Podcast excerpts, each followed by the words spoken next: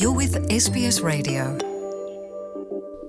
ሰማዕትና ሰማዕቲ ረድዮ ስፔስ ከመይ ትኾኑ ሎሚ ዕዱም ኣለውና መራሒ ቤተ ክርስትያን እዮም ቆሞስ ኣባ ዮሃንስ ካብ ኣደላይድ ኪዳን ምህረት ቤተ ክርስትያን እዮም ብዛዕባ ኣብቲ ብፍላይ ድማ ፆመ ኣርበዓ ክምስ ምዃኑ እቲ ጾም ኣመንቲ ክርስትና እንታይ ጽልዋ ኣለዎ?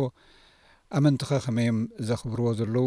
ብዛዕባኡ ዝምልከትን እታ ቤተ ክርስትያን ትገብሮ ዘሎ ንጥፈታት እውን ሕልፍ ኢልና ክንዘራረበሉ ኢና። የቐንየለይ።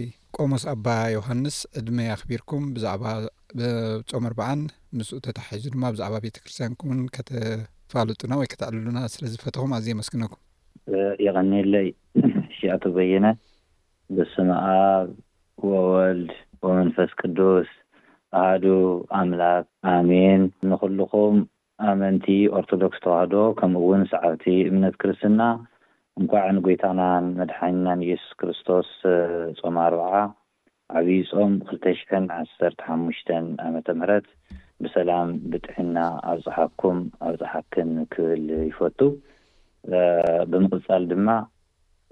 ናይ ኤስቢኤስ ዕዱም ጋሻ ገይርካ ስለ ዝጸዋዕካኒ ኣቶ በየነ እግዚኣብሄር ይባርኸለይ የቐንየለይ። ሕራይ እምበኣር ብከበቲ ናይ መጀመርያ ሕቶና ክጅምር ጾም ኣርብዓ ክበሃል ከሎ ሰባት ኣርብዓ መዓልቲ ክጾሙ እዮም ዝጽበዩ ኣብ ገሊኡ ግን ልዕሊ ሓምሳ ሓምሳን ሓሙሽተን መዓልትታት ዝጸንሓሉ ኣሎ እሞ ቅድሚ ናብቲ ካልእ ሕቶታት ምኻድና ንምንታይ ናይ ቁጽሪ ፍልልይ ተራእዩ?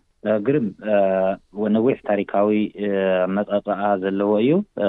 ጾመ ኣርብዓ ተባሂሉ ዝተሰየመ ጎይታና ኢየሱስ ክርስቶስ ዝጾሞ ኣርብዓ መዓልትን ኣርብዓ ለይትን ስለ ዝኾነ እቲ ስያሜ ብኡ እዩ ሒዙ ዘሎ ማለት እዩ። ኣብቲ ቁጽሪ ክንመጽእ ከለና ግን ሓምሳን ሓሙሽተን መዓልቲ ኢና ንጸውም ማለት እዩ። ጎይታና ኢየሱስ ክርስቶስ ኣብ ሰላሳ ዓመቱ ምስ ተጠመቐ Immediately ናብ ገዳመ ቆሮንቶስ ኣትዩ ኣርብዓ መዓልትን ኣርብዓ ለይትን ከም ዝጾመ እዩ ቅዱስ መጽሓፍ ዝነግረና።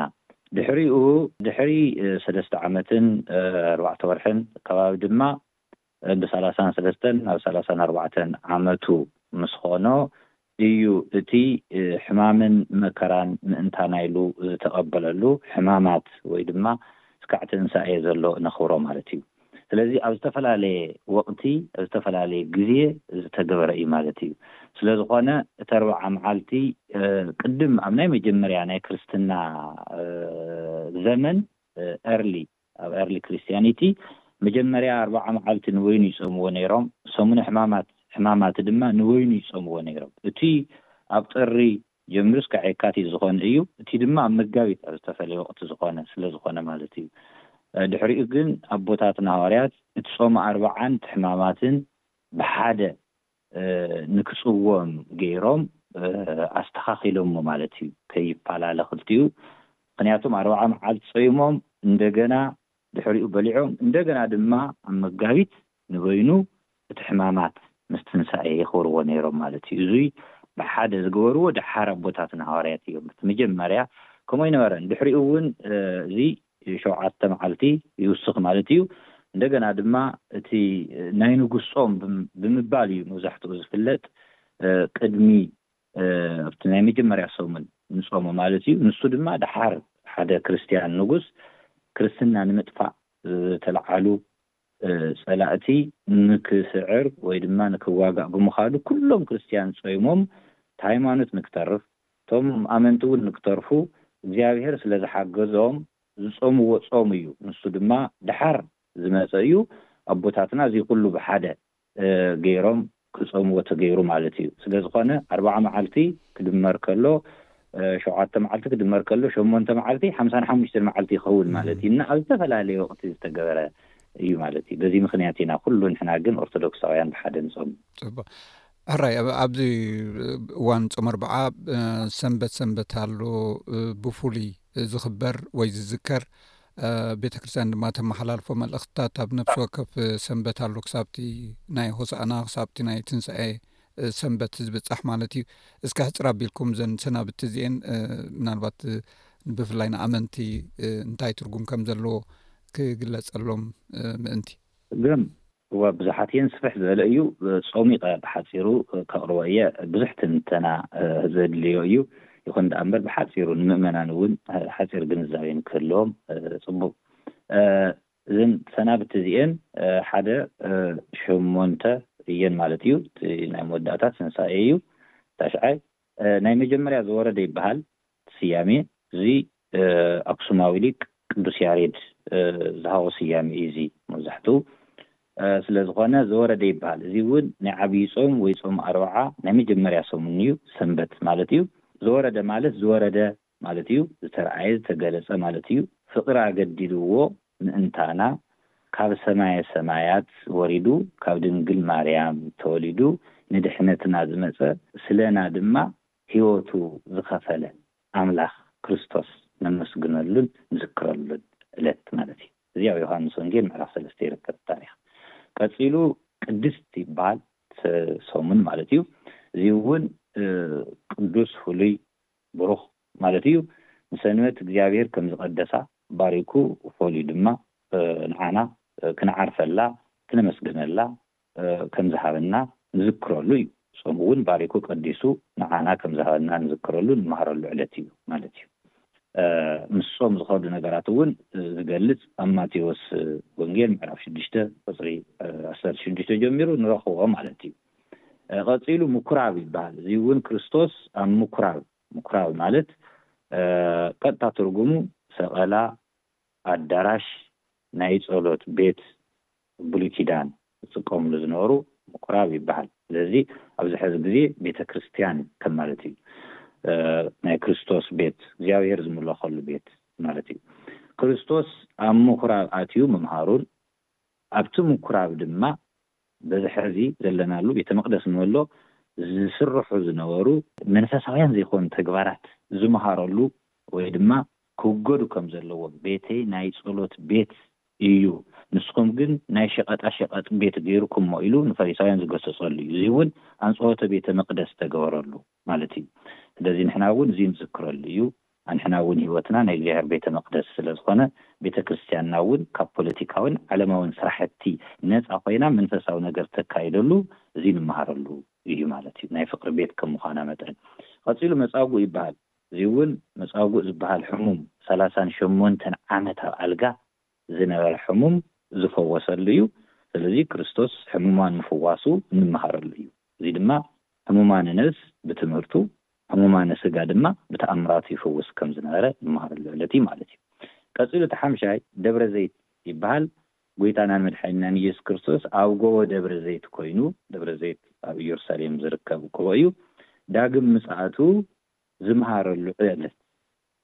ስለዚ ንሕና እውን ተዳሊና ንክንነብር ጐይታ ከም ዝመጽእ ንመሃረሉ ዕለት እዩ ማለት እዩ። እዚ ኣብ ማቴዎስ ወንጌል ምዕራፍ ዕስራን ኣርባዕተን ዝርከብ ኣስተምህሮ እዩ። ቀጺሉ ገብርኄር ይበሃል። ገብርኄር ማለት ንጐይትኡ እሙን ዝኾነ ኣገልጋሊ ማለት እዩ። እዚ ዝተመስገነሉ እዩ፣ ዘይእመን ኣገልጋሊ ድማ ዝተወቐሰሉ ዕለት ማለት እዩ። ቀጺሉ ኒቆዲሞስ ይበሃል። እዚ ካብቶም ፈሪሳውያን ወገን ሓደ ዝኾነ ኒቆዲሞስ ብኡ ዝተሰየመ እዩ። ምሁር ዝነበረ እዩ፣ ናይ ኦሪት ምሁር፣ ሽማግለ ዓብዪ እዩ። ለይቲ ናብ ጐይታ ከይዱ ይመሃር ከም ዝነበረ ተሓቢኡ። ካብቶም ፈሪሳውያን ተገሊሉ፣ ንበይኑ ማለት እዩ፣ ተፈልዩ።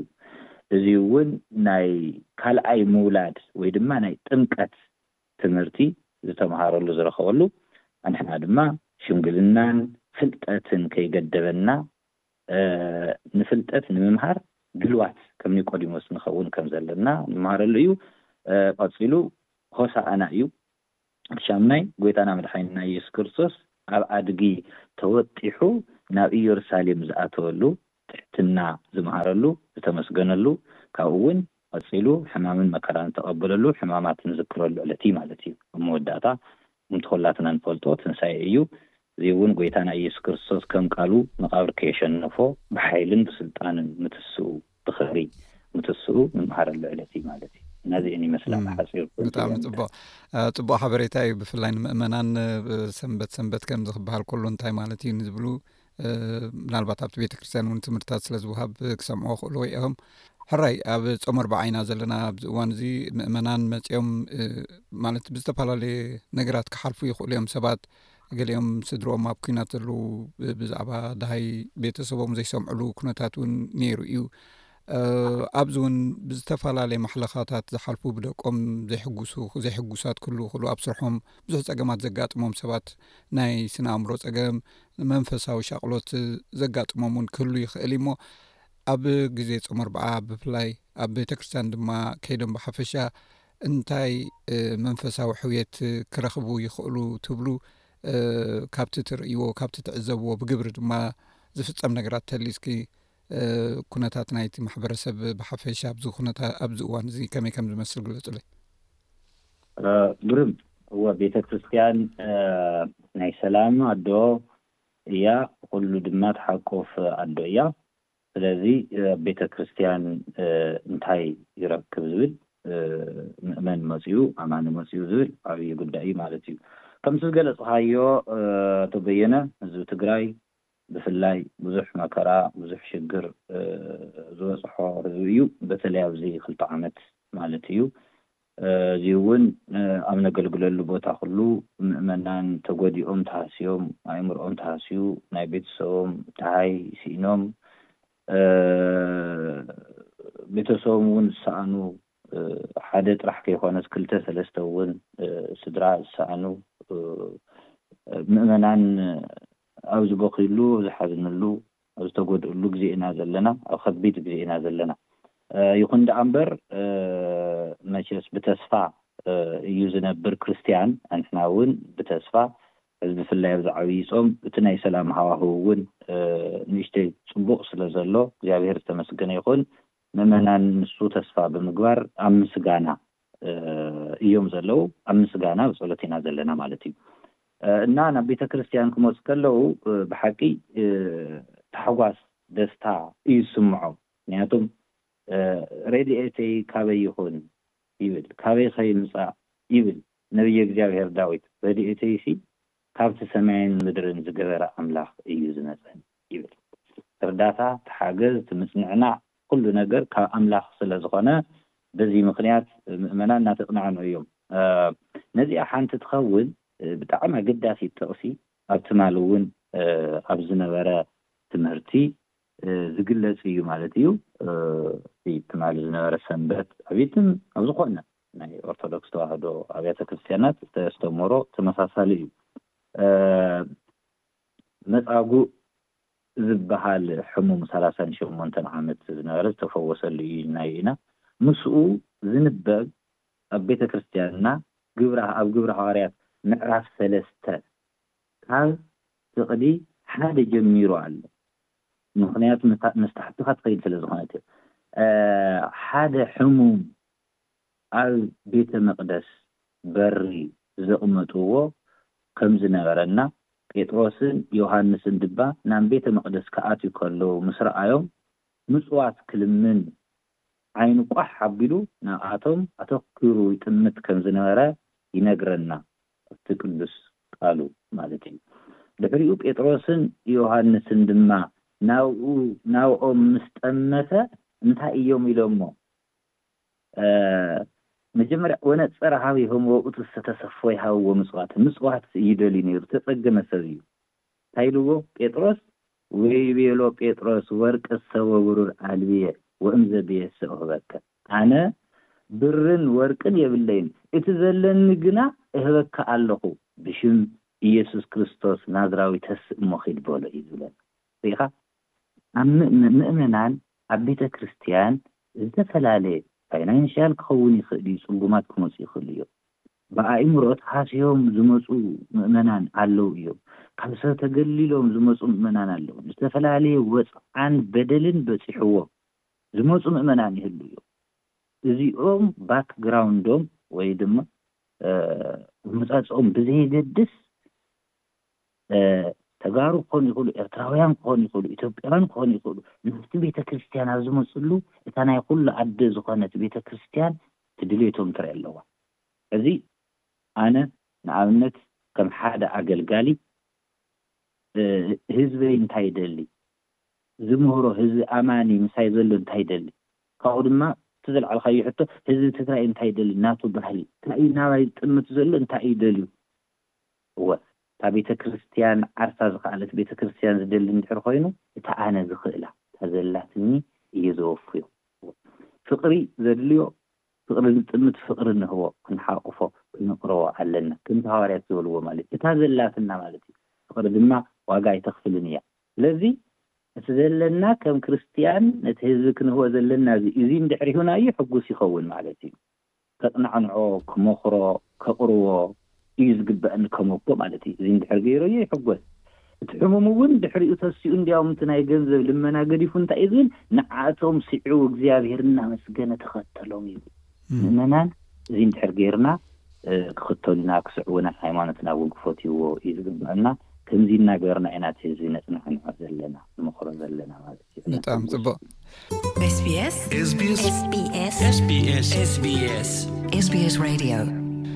ራይ ናይ ቤተ ክርስትያን ሃመረ ኖክ ኪዳን ምህረት ኣደላይድ ቤተ ክርስትያን ትመርሑ ዘለኹም ኢኹም እስኪ ብሓፈሻታ ቤተ ክርስትያን ብፍላይ ብ ዝቕርብ እዋን ናይ ቤተ ክርስትያን ምዕዳግን ህዝቢ እውን ከዋፅእ እሞ ክሳብ ፍፃሜ ንምብፃሕ እውን ሓደ ንጥፈታት ከም ዘሎ ሰሚዐ ኣለኹሞ ኣብ ምንታይ ኩነታት እዩ ዘሎ እቲ ናይ ቤተ ክርስትያን ህንፃ እቲ ህዝቢ ናይቲ ህዝቢ ተሳትፎ ከእንታይ ይመስል እንታይ ትፅቢት እዩ ዘለኩም ነቲ ዝተረፈ ዕማም ንክዛዘም እወ ኣደላይ ድሃመረ ኖህ ኪዳነ ምህረት ቤተ ክርስትያን ብሓቂ እግዚኣብሔር ዝተመስገነ ይኹን ክብሪ ንዕኡ ይኹን ኣብ ጽቡቕ ኲነታት ኣለና። ምእመናን ብዝኽእልዎ መጠን ኩሉ ነታ ቤተ ክርስቲያን ይሕግዙ ኣለዉ፣ ይሰርሑ ኣለዉ። ሕዚ ዓብዪ ቤተ ክርስቲያን ገዚእና ኣለና። ገዚእናዮ ግን ደኣ እምበር ገና ኣብ ምጅማር ኢና ዘለና። እቲ ዝወጸ ሴል ኣሸኒፍና ሕዚ ዲፖዚት ኣብ ምኽፋል ኢና ዘለና ብፍላይ ኣብዛ ወርሒ እዚኣ ወሳኒት ሰዓት እያ እቲ ዝገዛእናዮ ድማ ናይ ኦርቶዶክሳውያን ኩሎም ዝግልገልሉ ዝሕጎስሉ ኣምልኾ ዝፍጽምሉ ዝቆርብሉ ዝጽልይሉ ዝሰግድሉ ከምቲ ቅድም ዝገለጽናዮ ድማ መጺኦም ተሓጒሶም እግዚኣብሔር ኣመስጊኖም ዝኸድሉ ስለዝኾነ ኩሎም ኦርቶዶክሳውያን ሓገዝ ክገብሩልና ብፍላይ ኣብዚ ወርሒ እዚ እቲ ዲፖዚት ንኸፍለሉ ግዜ ስለ ዝኾነ ዘለናሉ ብጣዕሚ ሓገዝ ኣብ እንድልየሉ ወቕቲ ኢና ዘለና እና ብሽም ኣዴና ቅድስት ኪዳና ምህረት ኩሎም ኣመንቲ ኦርቶዶክስ ተዋህዶ ከምኡ ውን ኻልኦት ኣመንቲ ክርስትና ሓገዝ ክገብሩልና ኢና ጻውዒትና ነቕርብ ማለት እዩ እና ኣብዚ ኩነታት እዚ ኢና ዘለና ከምቲ ዝሰማዕካዮ ማለት እዩ። ብጣዕሚ ፅቡቅ ምናልባት ካብ መንግስቲ እዩ ብፍላይ ናይቲ ክፍለ ግዝኣት ናይ ምዕራብ ኣውስትራልያ እንታይ ደገፊ ናይ ደቡብ ኣውስትራልያ ማለት እንታይ ደገፊ ዝግበረልኩም ካልኦት ማሕበራት ከ ኣብዚ እንታይ ንጥፈታት ማለት ዝተፈላለዩ ኣብያተ ክርስትያናት እውን ኣለዋ ናይ ምብራቅ ኦርቶዶክስ ቤተክርስትያን ናይ በዓል ግሪክ ናይ ካልኦት እውን ክህልዋ ስለ ዝኽእላ ምስኣቶም ዘለኩም ዝምድና እንታይ ይመስል ፅቡቅ ሕቶ ሓቲትካኒ ብሓቂ ብዝሓለፈ ሕዚ ቅድሚ ክልተ ሰሙን ናይ ኣዴና ቅድስት ኪዳነ ምሕረት ዓብይ በዓል ነይርና ሓቂ ንምዝራብ እዛ ቤተክርስትያን እዚኣ ከም ንኻልኦት እውን ከም ሞዴል ከም ኣርኣያ እያ እንተበልኩ ምግናን ኣይኮነን። ምስ ኣብቲ በዓል ምስ ዝተፈላለያ ኦርየንታል ኦርቶዶክስ ተዋህዶ ቸርች ከምኡ እውን ካልኦት ኦርቶዶክስ ዲኖሚኔሽን ማለት እዩ ብጣዕሚ ስጡም ዝኾነ ርክብ እዩ ዘለና። ኣብቲ በዓል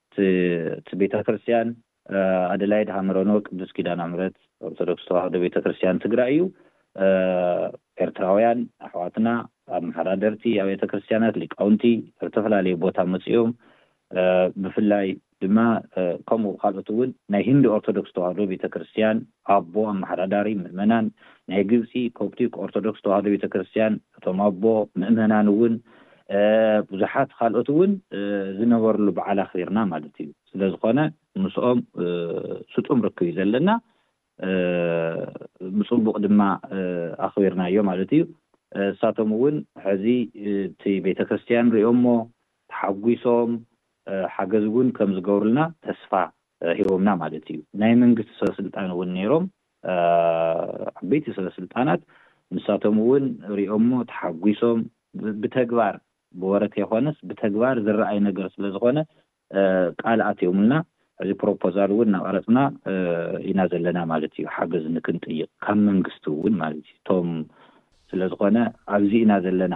እዚኦም ክሕግዙና ምድላው እናገበሩ ብፍላይ ድማ እቲ ናትና ሓደ ባህሊ፣ ሓደ ቋንቋ፣ ሓደ ታሪክ ዘለዎ ህዝቢ ብዝበለፀ ከም ዝሕግዘና ድማ ተስፋ ይገብር። ፅቡቕ ምናልባት ፆም እዩ ዘሎ ትንሳኤ እውን ይቐርብ ኣሎ በዚ ኣጋጣሚ ንምእመናን ክትሕልፍዎ ትደልዩ መልእኽቲ ተልዩ ዕድል ክበኩም እየ ብሓፈሻ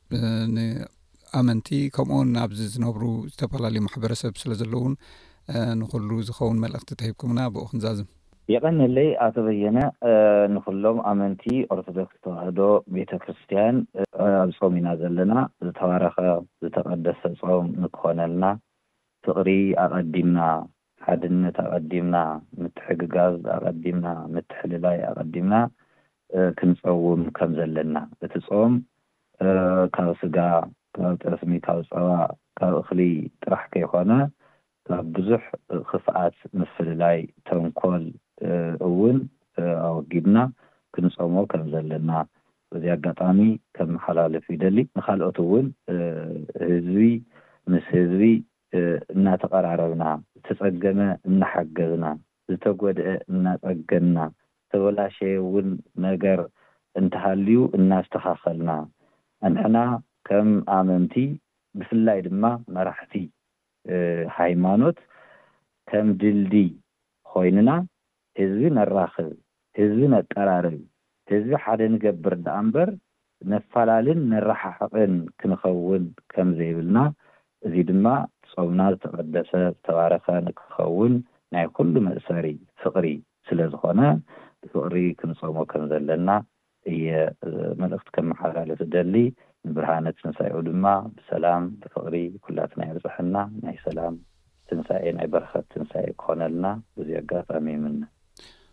ኣሜን ቆሞስ ኣባ ዮሃንስ ካብ ኣማሕዳሪ ቤተ ክርስትያን ሃመረ ኖህ ኪዳነ ምህረት ኣድላይት ደዮም ንዝሃቡና ብራኬ ከምኡውን ኣስተምህሮ ምስ ፆም ኣርበዓ ዝምልከትን ብዛዕባ እታ ኣብቲ ቤተ ክርስትያን ዝግበር ዘሎ ንጥፈታትን ስለ ዝሃቡና ሓፈሻዊ መልእኽቲ ኣዝ የመስግኖም ኣብ ካልእ ኣጋጣሚ ይራኽበና ርሑስ ትንሳኤ ክመመፅእ ኣብዚ ፆም ድማ ዝተባረኸ ፆም ንክኾነሎም ንኩሎም ኣመንቲ በዚ ኣጋጣሚ ዝይምነ ይቀኒለይ የቀንየለይ ኣቶ በየነ ድሕሪኡ ኣረክብ።